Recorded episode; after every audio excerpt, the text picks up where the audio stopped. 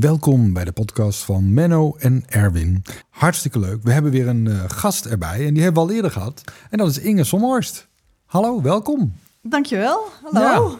Nou, en als Fijn jij, om weer bij jullie te zijn. Ja, en, en dat betekent natuurlijk, Menno, ja, als we Inge te gast hebben, dan hebben we een mooie vraag. En die vraag luidt natuurlijk van, uh, ja, wat maakt paddenstoelen nou eigenlijk spannend? Ja. Menno, wat vind jij daarvan? Nou, dat, uh, daar zijn heel veel antwoorden op te geven. En uh, daarom is het dus heel prettig dat Inge er is. Want die, nou, die, zit, zeg maar, die zit op dit moment geheel midden in de paddenstoelen. Ja. En, uh, ja, en ik denk dat, dat voor, voor de, als je het voor het eerst in door het bos loopt... en met het oog op paddenstoelen of in het weiland... dan, dan, dan kijk je natuurlijk naar die leuke gekleurde dingen links en rechts. Maar ik denk dat het voor Inge het spannendste misschien wel helemaal niet daar zit... maar misschien onder de grond. Ja, nou, want daar heb ik wel, want daar had ik me nou, toen ik me een beetje voorbereidde op dit gesprek, uh, hè, zeg maar, had ik wel zoiets van, ja, ik zie ze eigenlijk alleen maar in de herfst. Ja, dan, dan moet je toch beter kijken, want okay. het hele jaar door kun je wel paddenstoelen vinden. Ja. Maar de meeste paddenstoelen vind je in de herfst. Maar waar zijn ze dan de rest van het jaar? En paddenstoelen zijn uh, vruchtlichamen. Je kunt het een beetje vergelijken met een appel aan een boom.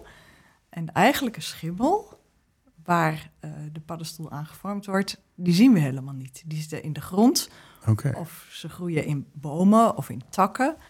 Maar we zien ze eigenlijk nooit aan de oppervlakte. En we zien ze pas als er paddenstoelen gevormd worden.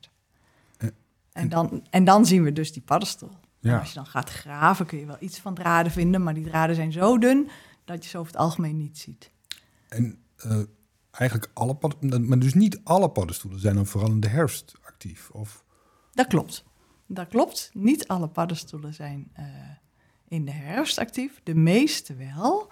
En dat heeft te maken met de cyclus van bomen, denk ik. Van, uh, van het blad, onder andere. En van de vochtigheid heeft het mee te maken. Maar er zijn ook in het voorjaar paddenstoelen. En paddenstoelen die die je misschien niet als zodanig zult herkennen. Dat kunnen witte veegjes zijn op takken. Of, die kun je eigenlijk het hele jaar doorvinden. Okay. Behalve als het heel droog is of als het heel hard vriest. Ja, dan, dan hebben zij het ook heel moeilijk. Dan hebben zij het ook zwaar. Ja. ja. Okay. En dan zijn er nog paddenstoelen die veel langer leven.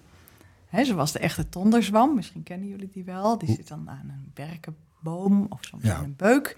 En die wordt... Beschrijf hem eens voor ons. Ah, wat voor kleur? Dat is een, een, een grijs-bruine paddenstoel. Een beetje hoefvormig. Ja, het is moeilijk.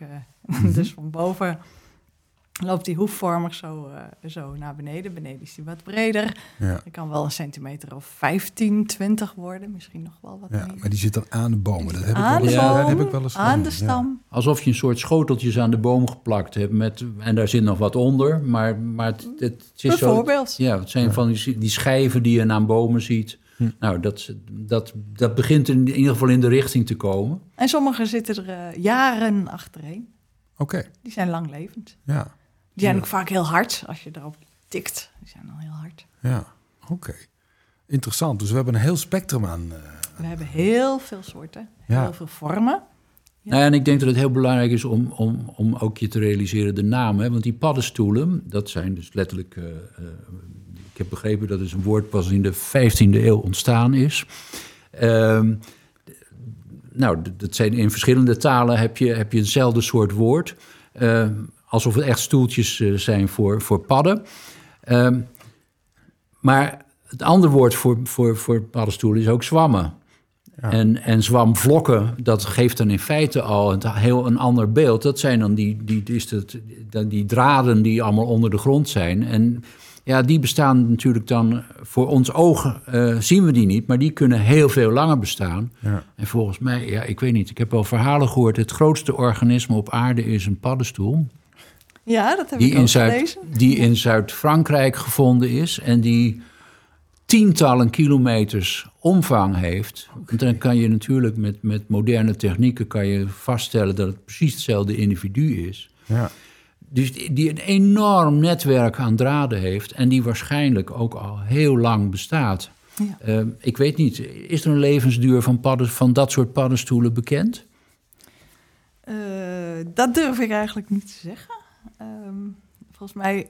Ik heb wel eens gelezen iets van duizenden jaren, maar Ja. ik weet niet of dat... eh, Wat- of wat- dat Dus eigenlijk is daar nog heel veel, dat vind ik toch wel grappig, er is nog heel veel over te ontdekken. Ja. Want dus, Ja. eh, de, dus de, de, de paleobiologie van de paddenstoel, daar beginnen we pas zo ongeveer mee. Ja, paddenstoelen in de oudheid. Er is ook een, eh, een theorie dat grote structuren die, die eh, zijn gevormd, die, waar ze dus, dus resten van terugvinden, eh, als een van de. eh, in het begin, toen, toen het land nog bijna kaal was, hè, toen het leven pas op het land kwam, had je van die hele grote, metershoge structuren. En nu schijnt ook dat dat eh, paddenstoelen zouden zijn. Ja. ja. Oké. Ja, dus de schimmels zijn al echt. Heel lang. eh, Ja. ja. Dus het is een beetje verwarrend. Het woord schimmel en zwam en paddenstoel is in feite, daar hebben we het steeds over Hetzelfde. Over hetzelfde. Ja. Ja. Ja, terwijl En de het beeld- De paddenstoel noemen we dan eigenlijk het vruchtlichaam. Ja. Het zichtbare deel wat Ja. wij allemaal zien. Dat noemen we de paddenstoel. En Ja. de rest heet zwam of schimmel. Ja, oké. Eh, maar goed, hè, dat is eventjes wat ik ook dan spannend vind eraan. Maar wat vind jij er eigenlijk spannend aan, eh, Inge? Wat ik spannend vind aan paddenstoelen? Ja. Ja, heleboel. Spannend is natuurlijk dat ze er inderdaad niet het hele jaar zijn. Of zichtbaar zijn dan? Wat Niet het hele jaar zichtbaar zijn. De paddenstoelen zijn er zelf niet het hele Nee. jaar. De Nee. schimmels zitten natuurlijk wel. In de grond. Er zijn kortlevende en langlevende, heb ik al even genoemd. Want Mhm. behalve heel langlevende heb je ook die binnen een jaar eh, ook de schimmeldraden weer kwijtraken. Die elk jaar opnieuw beginnen. Oké. En dat bestaat ook. Dus ehm, het onverwachte eraan vind ik spannend. Dus wat ga je tegenkomen? Je kunt jaar na jaar naar hetzelfde bos gaan of naar dezelfde plek gaan en toch weer steeds nieuwe soorten tegenkomen. Ja. Want, want wanneer begint er dan een nieuwe soort of zo? Dan is de, de bodemgesteldheid net weer iets anders? Of hoe, hoe? Ehm, het kan zijn, eh, je krijgt nieuwe soorten paddenstoelen op een plek als eh, de omstandigheden veranderen. Maar ook bijvoorbeeld door successie. Als bomen ouder worden, krijg je ook andere paddenstoelen bij die Oké, bomen dan ja. als ze jonger zijn. Ja, En als je dood hout hebt, dan heb je eh, vers dood hout, dus wat net Ja. dood is gegaan. ja. En je hebt eh dood hout wat al wat verder verrot is door andere schimmels. En daar, op al die stadia zitten dus vers- Weer andere... verschillende schimmels. Ja, Ja. zitten ja, verschillende dat, soorten. dat, dat, dat klopt. Een van de projecten die, eh, die, die de club die, waar jij eh, mee, mee voorwerkt en samenwerkt, de mycologische vereniging, de Paddenstoelenclub, eh, d- die heeft een, een groot project over vliegenzwammen. Dat Ja, is de beroemde paddenstoel met rode en witte stippen. De Ja. enige die jij ook eh, meteen herkent, Ja, die- Erwin. En die ik op mijn telefoon heb, want die heb ik net gefotografeerd op Ameland, dat klopt. Ja. Precies. Nou, ik, ik heb ook even gekeken, want ik, ik, er is altijd het verhaal van eh, paddenstoelen zitten heel specifiek verbonden aan bepaalde bomen. En, en de vliegenzwam, nou ja, dat is een beetje, die, die heeft er nogal veel. Want die, blijkbaar ook bepaalde dennenbomen, eh, gaat die ook veel bij. Berken. En ik ben eh, gewoon botweg eens gaan tellen op de, de eerste beste hondenwandeling. De eerste 25 vliegenzwammengroepen, waar kwam ik die tegen? En nou, het merendeel bij de berken. Maar ook best wat bij waar ik echt geen berk zag en alleen maar eiken zag. ja. Kan dat? ja, dat kan heel goed. Ehm, van de vliegerzwam zeiden wij vroeger inderdaad, het is een berkenbegeleider. Hij eh, groeit in symbiose met berken. Dus de berken hebben voordeel dat de vliegenzwam erbij staat. En de vliegenzwam heeft voordeel van dat hij bij de berk staat. Ehm, en er is, eh, er is inderdaad veel meer. Vliegenzwammen vind je bij dennenbomen, bij sparrenbomen, bij eiken, bij beuken, bij heel veel soorten bomen. En met dat project, wat eh, Menno net noemde, het vliegenzwammenproject, willen we ook graag dat mensen opgeven bij welke boomsoort ze die vliegenzwam dan vinden. En zien we daar ook een verschuiving in. Ja, en, en vroeg me dus meteen ook af, zijn dat dan dezelfde vliegenzwammen of heb je eikenvliegenzwammen en berkenvliegenzwammen? Het zijn dezelfde vliegenzwammen. Dat weet je Ja. zeker. Ja, Nou, dat is in ieder geval één ding. En het volgende, ja, ik zit, als je gewoon naar één zo'n ding blijft kijken, dan valt, vallen meteen komen er allemaal vragen in je op. Ik zat me afvragen, ik, ik zag je hele jonge berken en dan zag ik dus helemaal geen vliegenzwam bij. Op een gegeven ogenblik begint dat pas blijkbaar. Is er, is er een soort minimumleeftijd van een berk voordat de vliegenzwam erbij mag? Ja, dat is zo. Ehm, even kijken hoor, want de, de vragen gaan nu wel heel, heel snel ja, achter Menno, elkaar. Een beetje, beetje rustig aan, Menno. Een beetje, Ehm, hè? Op deze vraag, eh, als bij hele jonge boompjes zie je net als bij die rottingstadia van dat hout, eh, waarbij je steeds in een ander rottingstadium andere paddenstoelen vindt, eh, krijg je ook paddenstoelen die bij bomen groeien. Eh, bij hele jonge bomen staan andere paddenstoelen dan Ah, bij ja. iets oudere. En sommige paddenstoelen staan alleen bij hele oude bomen. Dat, Als dat je een, idee had als ik ook. je een ja. pionierssituatie hebt, hè, een, een kale zandgrond waar wat, eh, wat werkjes of dennetjes omhoog komen, dan heb je daar heel specifieke paddenstoeltjes bij. Vaak kleine bruine paddenstoeltjes, vaalhoeden, vezelkoppen. Ja. En eh, die vliegenzwam die komt, ik weet niet op welke leeftijd, maar de boom hoeft nog niet heel oud te zijn. Dus het hoeft nog geen volgroeide berk te zijn. Maar wel volwassen. Nee, hoeft Of niet? Ja, wat niet. is volwassen Ja, bij een berk? Nee, dat, dat hoeft niet. Ik denk als je een, eh, een berkje hebt zo hoog als deze ruimte, dat is een meter of vier, denk ik. Ja. eh, dat, da- daar staan wel vliegenzwammen bij. Maar Ja, bij die hele jonge Ja, misschien nog niet. nee, het moet een stammetje van een zekere omvang zijn. Ja, Ja. ja. nou dat idee had ik ook al. En, Ja. Maar hebt- had ook nog even een vraag, want daar was ik nog niet helemaal klaar mee, over dat je ze ook wel bij andere bomen vindt dan eh, berken. Eh, er is wel een theorie dat ze vroeger inderdaad meer bij berken stonden, maar omdat bij andere, omdat ehm, een aantal paddenstoelen eh, het heel slecht doet eh, nu in Nederland, die zijn aan het verdwijnen en ook wel in andere landen. Is die eh vliegenzwam misschien wel in staat om die rol bij die andere Ah. bomen over te nemen.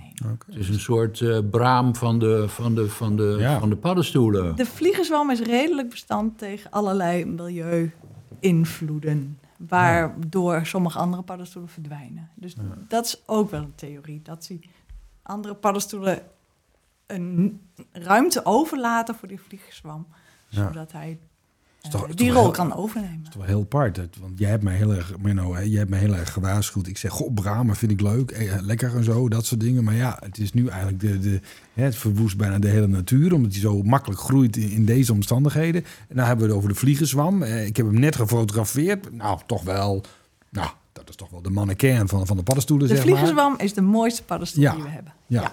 Dat, dat, en ik ben eh, altijd blij als ik hem zie. Ja, Ja. nou, hè, dat, dat is natuurlijk eh, prachtig. Ja, het standaard. Eh, het staat ook voor op eh, jouw boek eh, die je mee hebt genomen, Menno. Hè? Want ik zie hier een prachtig paddenstoelenboek door eh, Jacques Thijssen uit 1929. Ja, u kunt het even opzoeken, mensen. Maar dat is jouw bijbel wat betreft paddenstoelen, Menno. Hè? Nou, in ieder geval als kind was het de Bijbel. Ik mocht altijd op de, op de... Het is een Verkades-album. Als je heel veel beschuit at, dan kreeg je plaatjes erbij... en die kon je dan in die albums plakken. En ik was als klein kind, mocht ik op de, op de Verkades-albums... die mijn vader eh, in zijn jeugd verzameld had en toen hij jonger was... En eh, ik was al heel, nou, van heel belangrijke functie. Ik moest op die uh, Verkades-albums letten. En later kon je ze voor de habbekrats... eh, kan je ze, kon je ze bij de slechte of bij een andere toestand kopen. Dus ik heb ze allemaal. En ik blader ze eerlijk gezegd allemaal nog regelmatig door. Want het zijn fantastische albums. Ook het album van Paddenstoelen. Ehm, trouwens, de, de, de luisteraar die het nog wil hebben op Marktplaats... geen probleem. Nee, Tussen de 10 en de 25 euro. En voor een tientje kan je prima exemplaren krijgen. Ja. Ehm, ze zijn in honderdduizenden toen gedrukt. Ja. Ja, dat is het. Ja. En, eh, nou ja, en Thijssen was een soort eh, eh, pionier van de veldbiologie in Nederland. En ook van paddenstoelen. En terwijl er eigenlijk al best wel hele knappe boekjes waren. De, de beroemde mevrouw Kool. Een eh, paddenstoelen-expert van, van, bij, van, van internationale faam.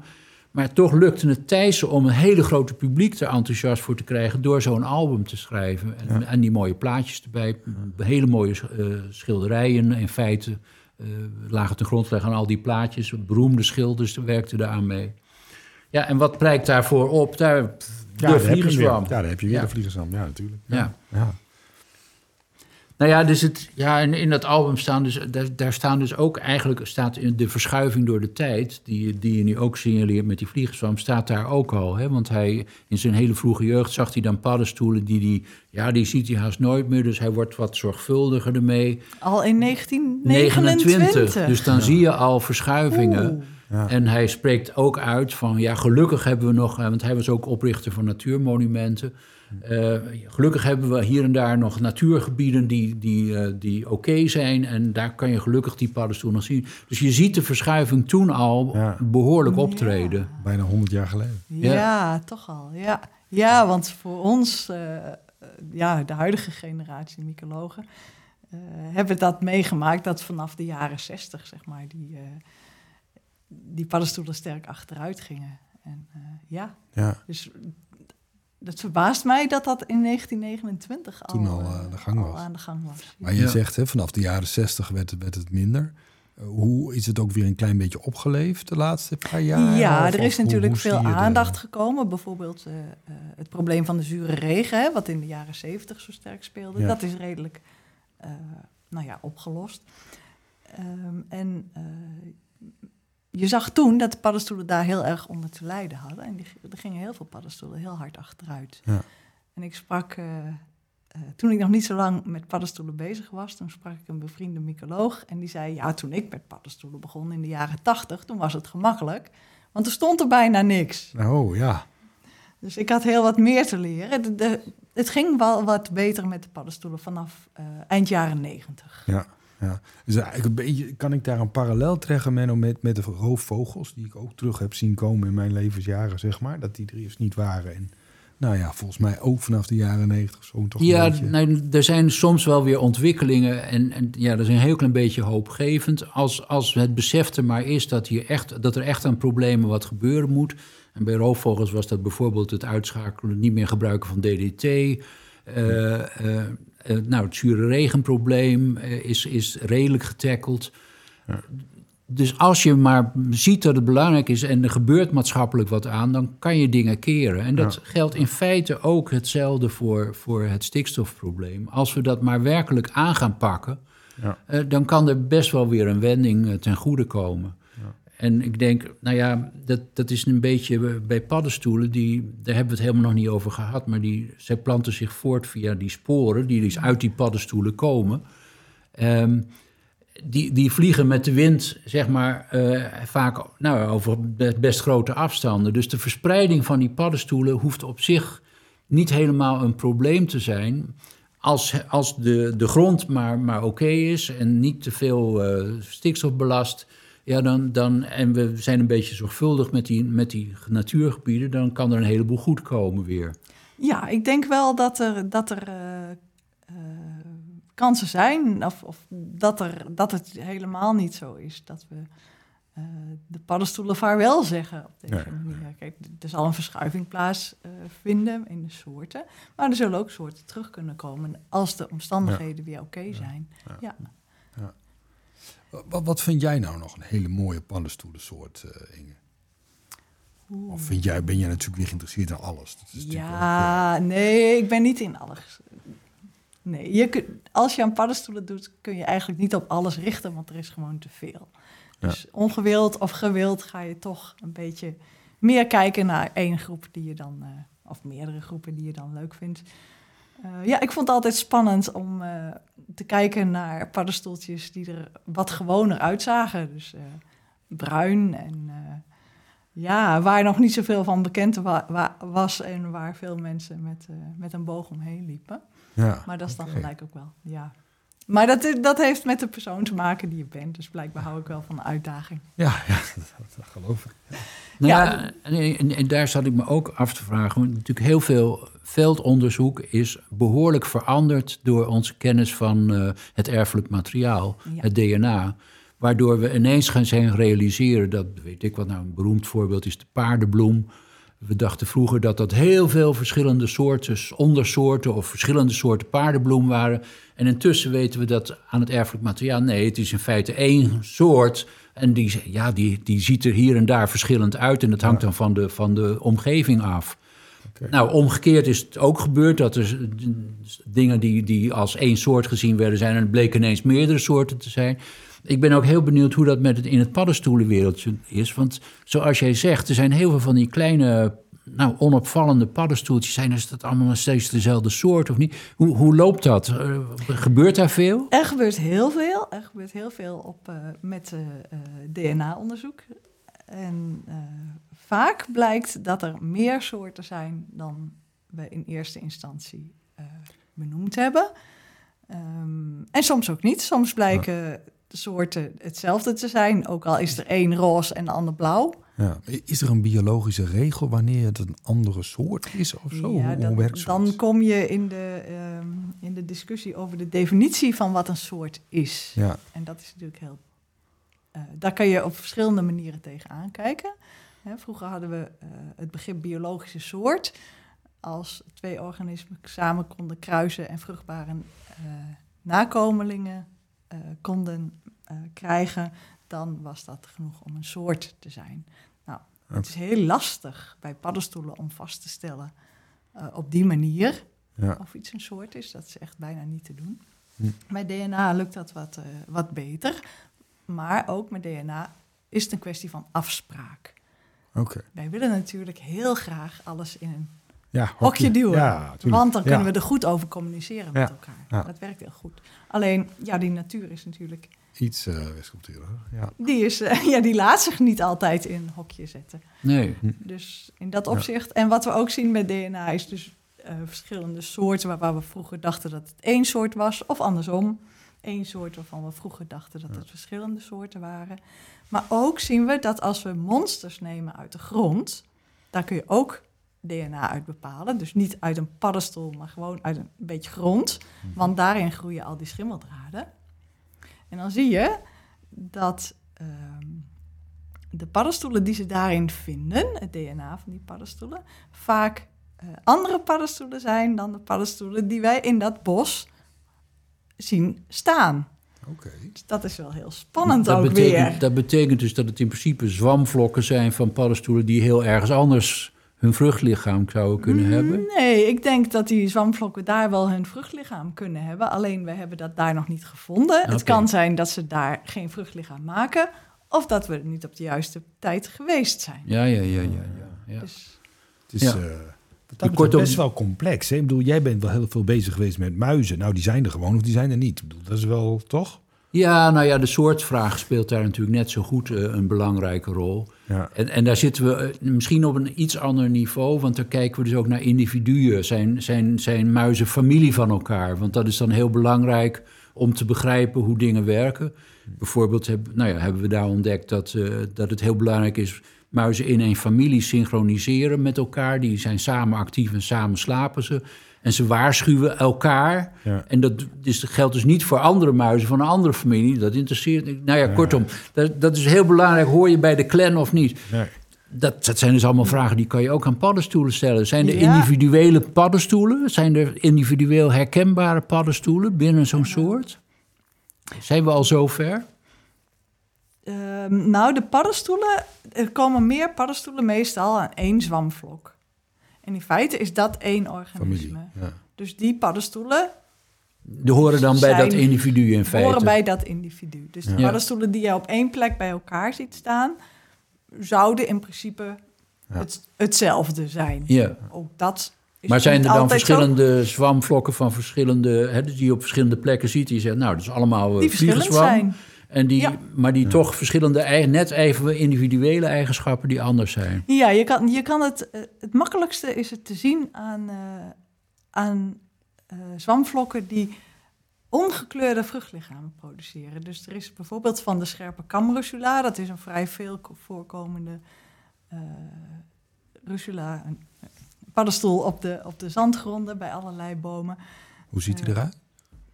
Grijsbruin met een geribbeld randje, Oké. ongeveer eh, een centimeter of 18 doorsnee. Mhm. En dat smaakt super scherp. Oké. Ehm, maar soms vind je daar ook witte van. En vaak staan die witte dan gewoon bij elkaar. Dus ik weet een plek, daar staan alleen maar witte. Nou, dat, dan verwacht ik dat die zwamvlok, dus dat daar iets mee aan de hand is. Hè? Dat het een ander Genetisch individu is. een ander individu die alleen maar ja, witte... ja. Dus Ja. eentje met Ja. blond haar. Precies. Ja. Ja, Ja. dus Ja. op die manier ja, Ja. eh, zijn daar ook verschillen in. Ah, maar dat maakt het toch ook al. Dan begint dat toch ook allemaal wel heel erg spannend te worden. Sowieso zijn eh, paddenstoelen natuurlijk heel erg variabel. Dus ook binnen één zo'n groep zie je in, in de loop van de, van de cyclus, van de leeftijd... een jonge paddenstoel of een oude paddenstoel ziet er heel erg verschillend uit. De kleur kan heel erg verschillen. De, Ja. Weersomstandigheden kunnen heel veel invloed hebben. En dat maakt het herkennen van een paddenstoel lastig. Die Ja. grote variatie binnen één soort. Wa- Wat ik natuurlijk, ik bedoel, ik vond die rood met witte stippen vind ik dan fantastisch. Maar ik vind natuurlijk een kring ook heel bijzonder. Een heksenkring. Ja. Ja, dat is ook heel bijzonder. Dat is ook heel spannend. En dan wil je graag weten waarom zo'n heksenkring... eh, Ja, hoe, Er hoe komt. ontstaat dat? Ja, ik denk, dat, dat? vind, dat lijkt me, er is niet iemand met een meetlat bij langs geweest. Ik bedoel, dat, Nee, hè? er is niet iemand die, eh, die dat poot. Maar een heksenkring eh, heb je bij paddenstoelen die ehm, in de grond leven van dood organisch materiaal in de grond. Mhm. En die beginnen ergens. Daar wordt het eerste zwamvlok gevormd en die begint daar te eten van dat organisch materiaal, maar dat raakt op. Maar hij heeft nog steeds honger, dus wat doet hij? Hij gaat een beetje Oh, verder kijken. En zo aha. gaat hij steeds eh, verder groeien. En aan de randen van de zwamvlok, daar worden de paddenstoelen gevormd. En bij zo'n heksenkring, als die groot is, is het dus een oude zwamvlok. Ja.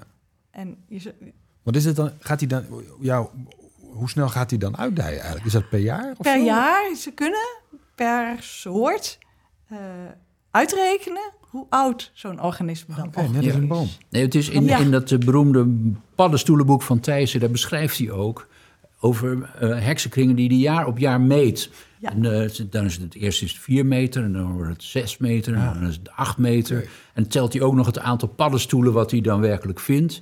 Ja. En eh, nou ja, het, het eindigt heel treurig, want dan wordt het zaakje afgegraven en dan is het weg. Maar het Ja. fenomeen wat jij beschrijft, dat, eh, ja, dat heeft Ja. hij dus ook al. eh, en dat zijn dus dingen die, die kan dus iedereen doen. Hè, door gewoon vaker in hetzelfde rondje Nou ja, te lopen. Ik wil graag de, de, de, hè, de podcast afsluiten. Eh, Inge, wat is het mooiste gebied? Waar, hè, je mag alles kiezen. Over de hele wereld wat mij betreft. En, en je gaat naar, daar wil je een mooie paddenstoel zien. Je mag ook dichter bij huis blijven hoor. Dat is fijn, want eh, het is fantastisch trouwens om naar het buitenland te gaan om paddenstoelen te kijken. Maar ja, dan sta ik helemaal met mijn eh, handen in het haar van wat wat is. Maar het mooiste gebied voor mij... Oh, ehm, ja, ik ga heel graag naar moerasbosjes om paddenstoelen te kijken. Oké. Dat vind ik echt heel En, spannend. en waar dan? Bijvoorbeeld? Eh, bij het Schildmeer of... eh bij Baggerputten? de Baggerputten. Ja. Ja. ja, of bij, aan de kant van Friesland, hè, bij de... ja, daar zijn ook genoeg Ja. vennetjes. en Ja. Dat vind ik zelf heel spannend, maar dat, Maar waarom is dat spannend? Wat zie je daar dan, zeg maar, vaak? ehm, je ziet daar ehm, die, die bomen die daar leven, dus er zijn vaak elzen, wilgen, berken, die goed Ja. tegen natte omstandigheden kunnen, die hebben op die plekken hun eigen eh, microflora, dus hun eigen paddenstoelen die daarbij horen. En dat zijn paddenstoelen die je meestal niet zomaar in de wegberm vindt. En daarom Ja. is het denk ik Ja. spannend, omdat je ze niet zo vaak ziet en echt daar naartoe moet gaan Ja. om ze te kunnen vinden. Dus dat vind ik leuk. Ja, leuk. Hartstikke mooi. En Menno, bij jou denk ik twee stappen uit het huis, hè? of niet? Jazeker. Nee, nou ja, wat, zoals gezegd, ik, ik, eh, ik loop heel vaak hetzelfde rondje. En dat heeft toch voordelen, omdat je dan, dan zie je van dag tot dag wat er gebeurt. Ja. En, en ja, hoe langer je erover nadenkt, hoe meer vragen je krijgt. Eh, en, eh, en eigenlijk is er zoveel over te vertellen. Ik denk dat het heel spannend is om, om nog maar een keer een podcast Ja. binnenkort over, over paddenstoelen te gaan maken. Dat, eh, Ook met de vraag, wat hebben we eraan? ja. Want we hebben er volgens mij ook als mensen heel veel aan. Zonder dat, eh, dat iedereen misschien helemaal duidelijk is. Nou ja, ik heb gisteren nog weer lasagne gegeten. Er zaten toch paddenstoelen in. Dus, nou ja, eh, wat dat is er al eentje.